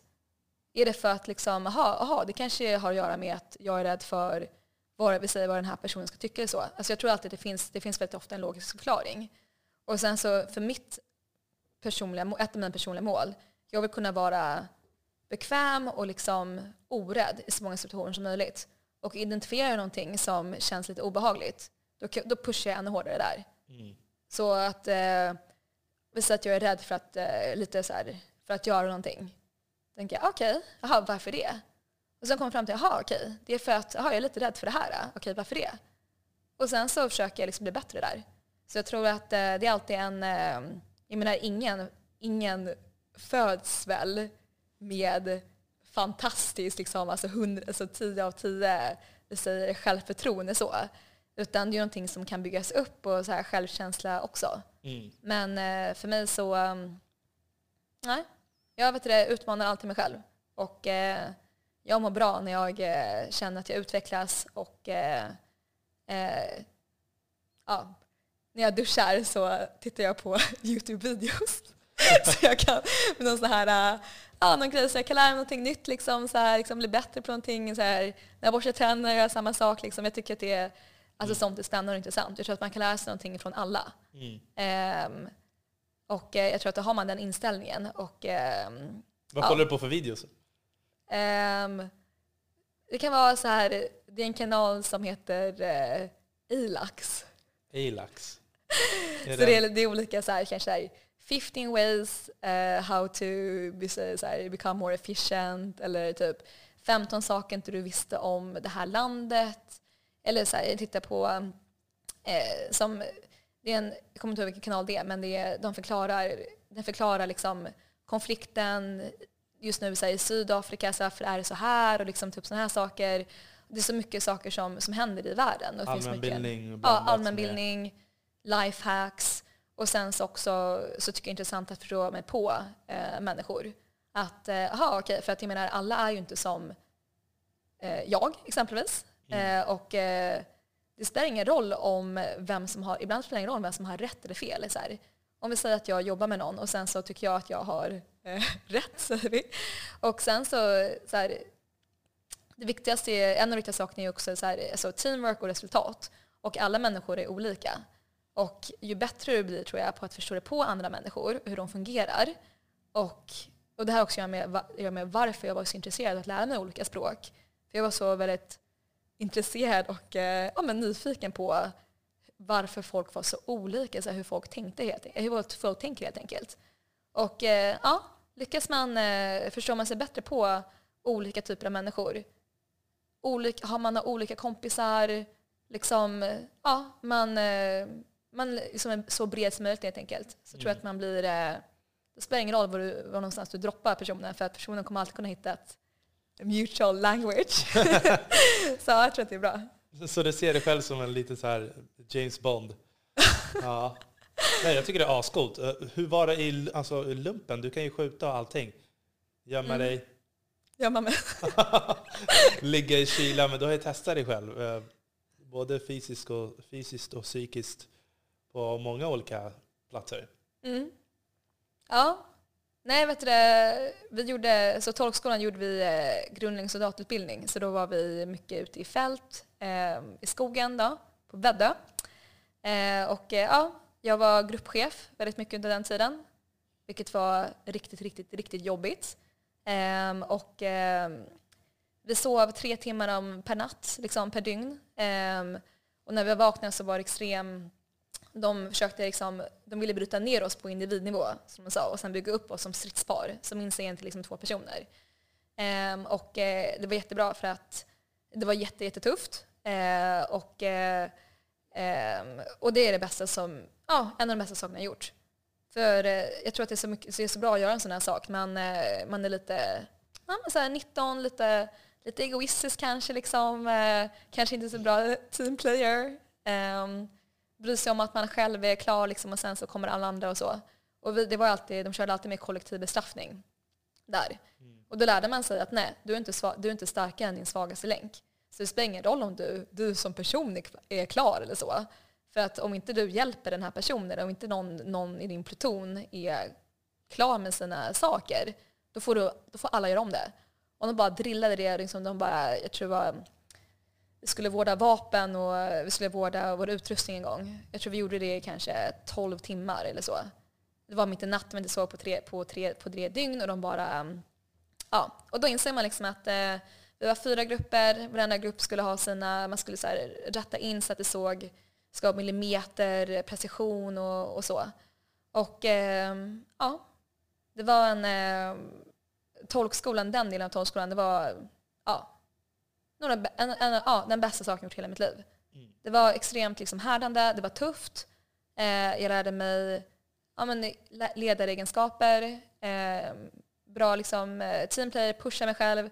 Och då så när vi, hade, när vi blev bestraffade en gång kollektivt så kom jag att vi, jag sprang på Väddö, så jag hade på min hjälm, jag hade mitt vapen, eh, ryggsäck som väger massa kilo, kängor, eh, ammunition tror jag. Och eh, jag tror att eh, det jag hade att jämföra med då, jag höll på med en del med spinning på gymnasiet ibland. Och då hade man det här pulsbandet. Och sen så kunde man se ibland, ah, nu är jag kanske på 97% av min maxpuls, sådana här saker. Och du vet när man liksom, man är precis där i slutet och håller på att pusha själv så man tänker att okej okay, jag kan hålla det här i några sekunder och sen så bara så ger jag upp liksom. Och då så, det var typ där jag var när vi blev tvingade att, tvingade att liksom springa, springa, springa. Och så tänkte jag liksom att jag höll på att liksom nå den här 100% nivån. Och jag kunde, man kunde bara inte stanna, det fanns liksom inte på kartan. Och då så sa de att, eh, eh, och jag, jag kommer ihåg att jag slöt mina ögon. Jag bara okej, okay, så här, oj, så här, vad, händer, vad händer nu? Jag kanske, kanske kommer svimma nu liksom. Det kanske så här kommer hända, ja, så här kommer vara. Så jag slöt med ögonen och så öppnade jag dem. Och då sprang jag fortfarande. Och då hände någonting i mitt huvud. Och då, för då passerade jag den här gränsen. Och efter det så har jag blivit lite crazy när det gäller eh, sport. Du vet att det går? Ja. ja. För ibland så, för jag håller på med, eh, med thaiboxning, så ibland så är det så när jag tränar folk, liksom att så ibland så kan man se att folk liksom, om jag säger det är mittsträning, och sen så kanske någon är lite, jag ser att någon inte så här svettas liksom. För, och sen så, jag bara, ah, kom igen så här, vi kör, kör på. Men personen kanske har någonting att, eh, lite rädd för att kanske, för att pusha sig själv så att man, jag vet inte, mår kanske, men lite rädd för hur man ska känna. Mm. Och för mig nu, jag började med thaiboxning efter, efter lumpen. För jag behövde någonting som verkligen kunde nå den här hundraprocentiga liksom, utmattningen. Mm. Eh, så för mig så måste jag, liksom, jag måste upp dit. Och jag tror liksom att när man, när man har varit med om något riktigt, riktigt jobbigt, vi säger så här att liksom en, en, en förälder går bort liksom, eller du är med om en tuff grej och sen så bara inser du att liksom, okej, okay, det är det här som är jobbigt, det här är min gräns. Eh, eller det här, det, här, det här är det som händer om jag pushar på. Mm. Och så klarar du dig från det. Då blir du stark som individ. Mm. Vill, vill du ha barn och sånt i framtiden? Får man fråga? Ja. Det? An, an, anledningen varför jag frågar är bara för just när du pratar om det här med äh, kampsport. Mm. Det har varit en viktig grej. Jag har också tränat tidigt. Från, sen jag var tre bast började jag på brottning.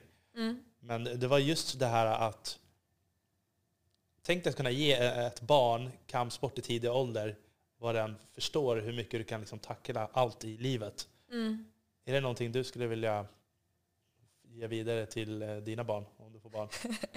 ja, Nej, okay, så ja, jag skulle vilja ha barn. Eh, och eh, ja, det är någonting som jag funderar på också. Så här, ja, ja, skulle ha barn. Och jag tror att mina föräldrar pushar ju aldrig mig till någonting. Eh, på så sätt liksom att de sa aldrig du, du, måste göra, faktiskt, du måste göra dina läxor. Jag gjorde mina läxor i alla fall, men de sa ju aldrig liksom att du måste, eller så här, du måste plugga på universitetet och sådana saker. Så jag tror att eh, jag vet att jag kan vara lite eh, motiverande och kanske pushig som person. så jag menar, jag tror att eh, eh jag vill inte Eh, jag skulle inte vilja att mina föräldrar var så mot mig när jag växte upp. Eh, och jag tror att det har varit bra nu. Så jag vill inte heller vara så mot eh, mina barn. Så jag tror att, eh, ja men vi säger så här, det är ibland folk som frågar mig, aha, men så här, ska dina barn också träna thaiboxning? Ska de också prata sex språk? Så här, ska du lära dem det här språket och så? Så jag tror att eh, kampsport och sport, det är någonting som jag tror att det, ja, individen mår bra av sport. Och sen så, ja, jag vill inte bli någon slags eh, pushig förälder som bara ah, nu måste du gå i mina fotspår och så här, köra den här sporten eller så. Mm. Men jag skulle gärna vilja vara uppmuntrande och eh, kampsport är liksom bra, men jag tror att vilken sport som helst tror jag. Eh, ja, uppmuntrande så här personen i fråga, eller mitt barn då, får eh, testa olika sporter och liksom kanske försöka hitta den här glädjen för liksom, sport. Jag tror att sport är, ja, om det är liksom eh, individ eller om det är liksom lagsport så tror jag att det är, det är en eh, det är ett kul liksom, intresse att ha. Och sen så tror jag att eh, om mina barn då skulle börja tävla eller så i någonting så den disciplinen och den, eh, den självmotivationen som man måste ha, den är också väldigt bra att ha, kunna lära sig vid yngre ålder. Så ja, det skulle vara nice, men ingenting som skulle pusha kanske jättehårt. Det är ju mitt största problem. Jag kommer bli en riktig så här, sucker dad. Eller, Aha, okay. ja, jag kommer pusha sönder mina barn, i alla fall när de är unga. Och, och, det är typ det viktigaste varför jag vill ha en sträng mamma till barnen. Eller jag vet inte hur jag ska förklara. Men hon Ja. måste kunna pusha stenhårt. Ja. Ja, det, och det finns inte här i Sverige tyvärr. Så att jag får hitta en koreansk eller kinesisk som har den där hårda... Ja, nej, ja, precis. vi bara, nej, det tycker jag bara är roligt. Ja. Ja. hur var det här med s- Spånga då? Hade, fanns det, bodde du i ett slott eller bodde du i en lägenhet? Hur eh, var blandningen av människor där? Eh, ja, jag bodde i ett eh, radhus. Och jag bor faktiskt fortfarande där för jag bor hemma hos mina föräldrar nu när jag är här i Sverige. Mm. Så eh, ja, växte upp, eh, växte upp i samma radhus i Spånga innan jag liksom flyttade utomlands och gjorde tolvskolan och olika saker. Ehm, så ehm, ja, det var väldigt liksom, trygg, eh, lugn, eh, bra uppväxt. Eh, bodde med i villaområdet i, i Spånga, i Solhem som det heter. Eh, och eh, jag skulle säga att eh, när jag vux- här, småskolan till sexan så var det nog främst liksom eh, folk, eh, folk eh, men, så här, men svenskar. Eh, inte första generationen svenskar eller så, men, utan, men, men svenskar. Och sen så i högstadiet så gick jag i Spånga gymnasium och grundskola. Och då så blev det mer, ja, folk i, från, eh, inte, inte bara från, liksom, från Solhem där, utan folk eh, med olika, eh, kanske föräldrar från, från olika länder, mer ja, mångkulturellt då, kan jag säga. Mm. Så jag tror att det har varit en... ehm, Eh, där jag, Solhem med Spånga, där jag växte upp, det var ingen riktig... Det är alltså en bra, liksom, trygg uppväxt, men det var ingen extrem bubbla på så sätt att eh, jag är väldigt glad över att jag lärde känna... Jag har alltid haft många olika kompisar, tjejkompisar, killkompisar. En del tycker om att plugga, andra tycker inte om att plugga. Eh, kanske connectat eh, med dem via sport eller något eh, fritidsintresse. Eh, för mig är det viktigaste att personen är snäll, skulle jag säga. Eh, för jag tänker ofta att, jag menar, okej, jag kanske är duktig på matte säger vi, men skulle det bli krig eller så, jag vet inte, och någon skulle kanske hjälpa mig att göra upp eller jag vet inte. Det finns alltid olika situationer som folk kan vara olika bra på eh, i olika sammanhang. Och jag tror alltid att eh, jag är väldigt nyfiken på folk och eh, jag tror att eh, ja, jag säger inte att det är något fel heller liksom, att bara ha växt upp i ett område där det bara är kanske, vi säger en typ av, eh, eh, en liksom, eh, kanske folk är bara en viss kanske typ av människor så. Men eh, jag kan verkligen se fördelen i att eh, trygg uppväxt och sen så ha, ha kompisar och sen så ha träffat folk liksom, när jag varit yngre. Som eh, är från olika, har föräldrar från olika delar av eh, av världen, eh, kanske andra olika religioner och så. Och jag är glad att få, att få, fått den liksom exposuren vid en relativt liksom ung ålder. För jag tror också att um, jag är också uppvuxen i Spånga, bodde där hela mitt eh, liv tills jag flyttade utomlands. Och sen ska man ihåg att jag tänkte att ja, men jag, vill, jag vill resa nu. Jag vill, jag vill se mycket nu när jag är ganska ung. För jag tänkte att jag vet jag kan, att jag alltid kan resa senare också. Det är bara det att jag tänkte att jag vill ha ganska öppet sinne när jag gör saker och ting. Och jag tänkte att när jag är kanske 30-40 eller gör någonting, då kommer jag ha en mycket mer fast eh, åsikt om vad som är rätt kanske, eller vad som är fel, vad som är bra, vad som är dåligt.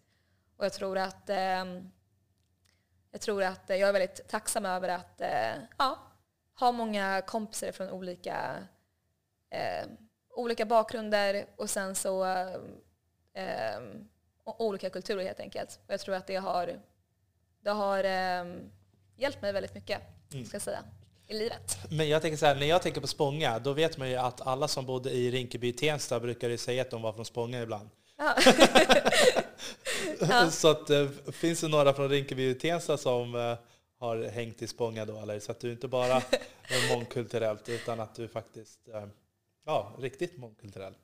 Ja, ja så vet du så Spånga, det, jag tror att det heter Spånga Tensta stadsförvaltning, ja.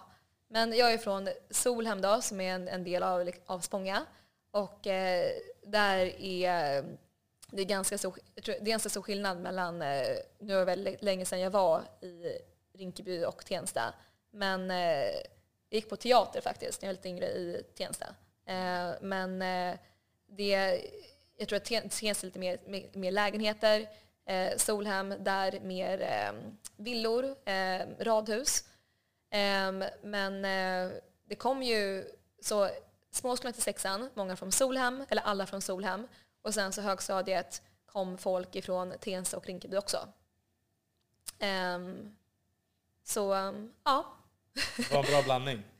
ja, det var en, eh, eh, ja, det var en blandning helt enkelt. Såklart att majoriteten var, var faktiskt från Solhem. Men ehm, det var, ja. Om, ja, jag kan, jag kan, ja. Jag, jag har inte varit i Rinkeby och Tensta på ganska länge. Men... Eh, Blir ja. du rädd när du läser tidningarna? Eller vet du att du är militär som kan eh, smida ihop ett vapen med ögonen, ögonen förbundna? Uh, nej, jag bor ju inte faktiskt i Sverige eh, längre så. Så jag kanske inte har jätte, jättebra koll på allting som, som händer. Var tar du in din omvärldsbevakning ifrån? Har du någon så här tips på kanske någon utländsk sajt som man kan få in massa information? eh, alltså jag kommer inte ihåg den här kanalen jag tittar på på Youtube ganska ofta. De brukar ta upp många aktuella ämnen och förklara olika saker. För ibland tycker jag det är lite svårt att eh, samla kanske information. Det finns kanske, du läser en tidning och sen så är ja, läs den här artikeln också, den här och här och här. Och så måste du, så måste du ta ganska lång tid för att förstå själva, ja, men själva djupet och sen så saker och ting kommer ifrån och så. Så jag har ingen, jag läser mycket vietnamesiska eh, liksom dagstidningar och så. Eh, sen så tittar jag väl på, på DN, Dagens Industri och eh, i, i Sverige. Mm. Men ehm, ehm, jag, ja. Yeah. Hur ser nyheterna ut i Vietnam då? Eh, ja, det vet du, eh, det, mm, det ska väl vara ganska transparent och så. Men eh, Vietnam är ju ett, eh, har ju ett parti. Eh, så det är ju, ja, det, det är kanske inte lika mycket så, ja, vet du, yttrandefrihet som i, som i Sverige direkt när det gäller eh, media och så här, tidningar man läser. Mm. Så klart att alla tidningar, de har väl, vilket inte är unikt för Vietnam, men eh, eh en viss koppling till eh, regeringen eh, och så. Så jag skulle säga att eh, nyhetsbevakning är väl, det finns mycket, man är ganska uppdaterad. Men eh, det finns inte samma, kanske, samma utbud kanske som i, som i Sverige. Mm. Stämmer det att typ, de här sirenerna eh, ringer några gånger om dagen i Vietnam? Vilka, vilka sirener? ja, nej tydligen inte. Jag har hört att de har sådana här eh, kommunistiska... Flygalarm eller vadå? Ja, men typ. Uh, Nej. Nej, jag har, nej, det gör det inte. Nej. Nej. Okej, okay, då får jag ta bort det där. ja ja, men alltså jag tror att det här har varit ett fantastiskt samtal och jag är jätteglad att du har varit här.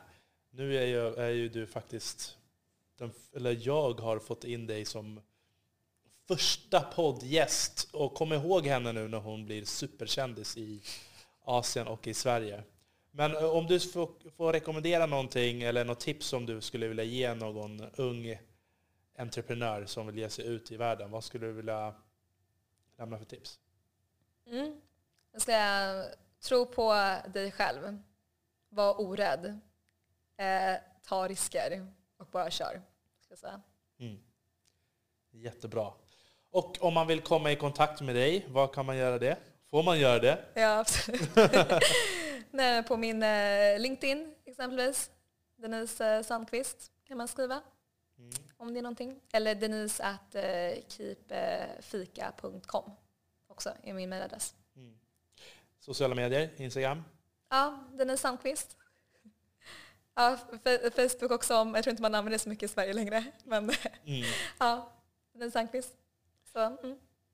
Perfekt! Och det här var allt för det här avsnittet. Jakten efter guld, mina vänner. Vi hörs igen. Med vänliga hälsningar, Armand Faltin.